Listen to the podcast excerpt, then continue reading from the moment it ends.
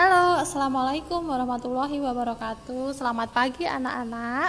Hari ini kita ketemu lagi melalui podcast bersama Bu Dewi.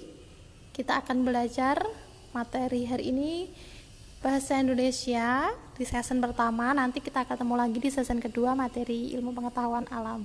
Oke, sebelum dimulai mari kita berdoa menurut agama dan kepercayaan kita masing-masing Agar pembelajaran pada pagi hari ini berjalan dengan lancar. Berdoa dimulai.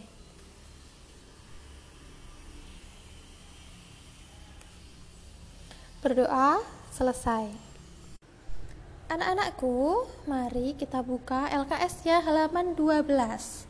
Di halaman 12, kalian akan menemukan kompetensi dasar 3.5 pada mata pelajaran Bahasa Indonesia, yakni menggali informasi penting dari teks narasi sejarah yang disajikan secara lisan dan tulis menggunakan aspek apa, di mana, kapan, siapa, mengapa, dan bagaimana. Anak-anakku, silahkan dibuka LKS-nya halaman 12. Di halaman 12, kalian akan menemukan materi bahasa Indonesia dengan kompetensi dasar 3.5, yakni menggali informasi penting dari teks narasi, sejarah yang disajikan secara lisan dan tulis menggunakan aspek apa, di mana, kapan, siapa, mengapa, dan bagaimana. Nah, anak-anakku, seperti yang kalian ketahui, kemarin tema 6 kita sudah membahas tentang teks eksplanasi. Teks yang yang berisi sesuatu yang bersifat fakta mengenai gejala alam, mengenai uh, gejala sosial dan budaya yang berupa teks non fiksi atau nyata ya benar-benar berdasarkan atas fakta. Nah kali ini kita akan belajar tentang teks narasi. Apa itu teks narasi? Semoga Bu Dewi menjelaskannya tidak terlalu cepat ya. Teks narasi adalah suatu karangan yang menceritakan secara detail sebuah kejadian atau peristiwa berdasarkan urutan waktu. Jadi ini menceritakan kisah atau peristiwa. Nah, itu disebut sebagai teks narasi. Jadi urut runtut gitu. Setelah kejadiannya begini, setelah itu begini, setelah itu begini, itu namanya adalah teks narasi. Adapun ciri-ciri teks narasi yaitu yang pertama, isi teks ataupun karangan membahas mengenai cerita, peristiwa, dan kisah tertentu yang terdiri dari beberapa susunan paragraf, serta menggunakan gaya bahasa yang naratif atau menceritakan sesuai dengan urutan waktu.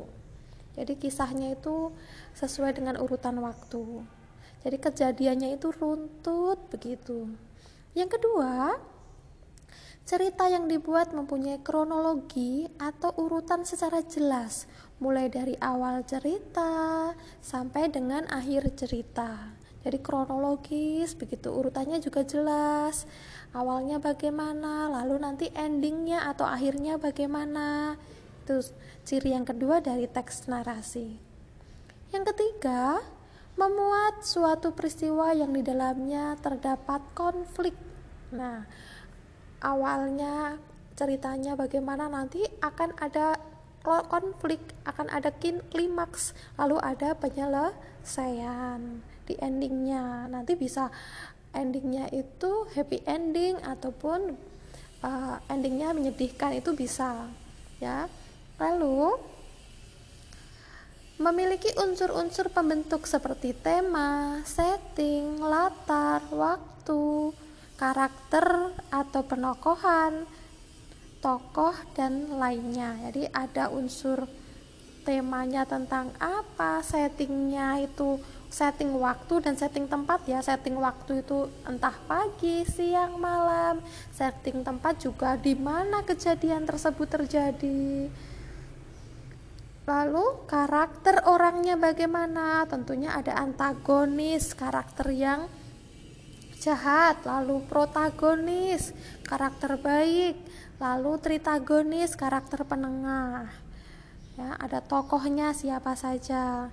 Sesuai tadi di kompetensi dasar untuk menjawab apa di mana di mana itu menanyakan tempat kapan itu waktu siapa itu menanyakan orang mengapa itu alasan bagaimana itu menanyakan cara. Nah biasanya teks atau paragraf narasi itu menceritakan sebuah kisah atau cerita entah itu uh, fiksi atau khayalan, cerita-cerita khayalan yang runtut yang berdasarkan urutan waktu itu juga bisa disebut sebagai teks narasi ataupun non fiksi ataupun kisah nyata.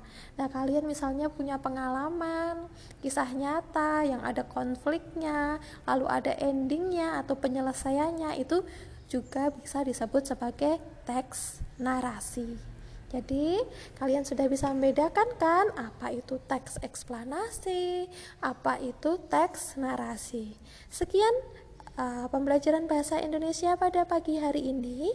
Setelah ini Bu Dewi akan kirim podcast lagi tentang materi IPA. Sekian, wassalamualaikum warahmatullahi wabarakatuh.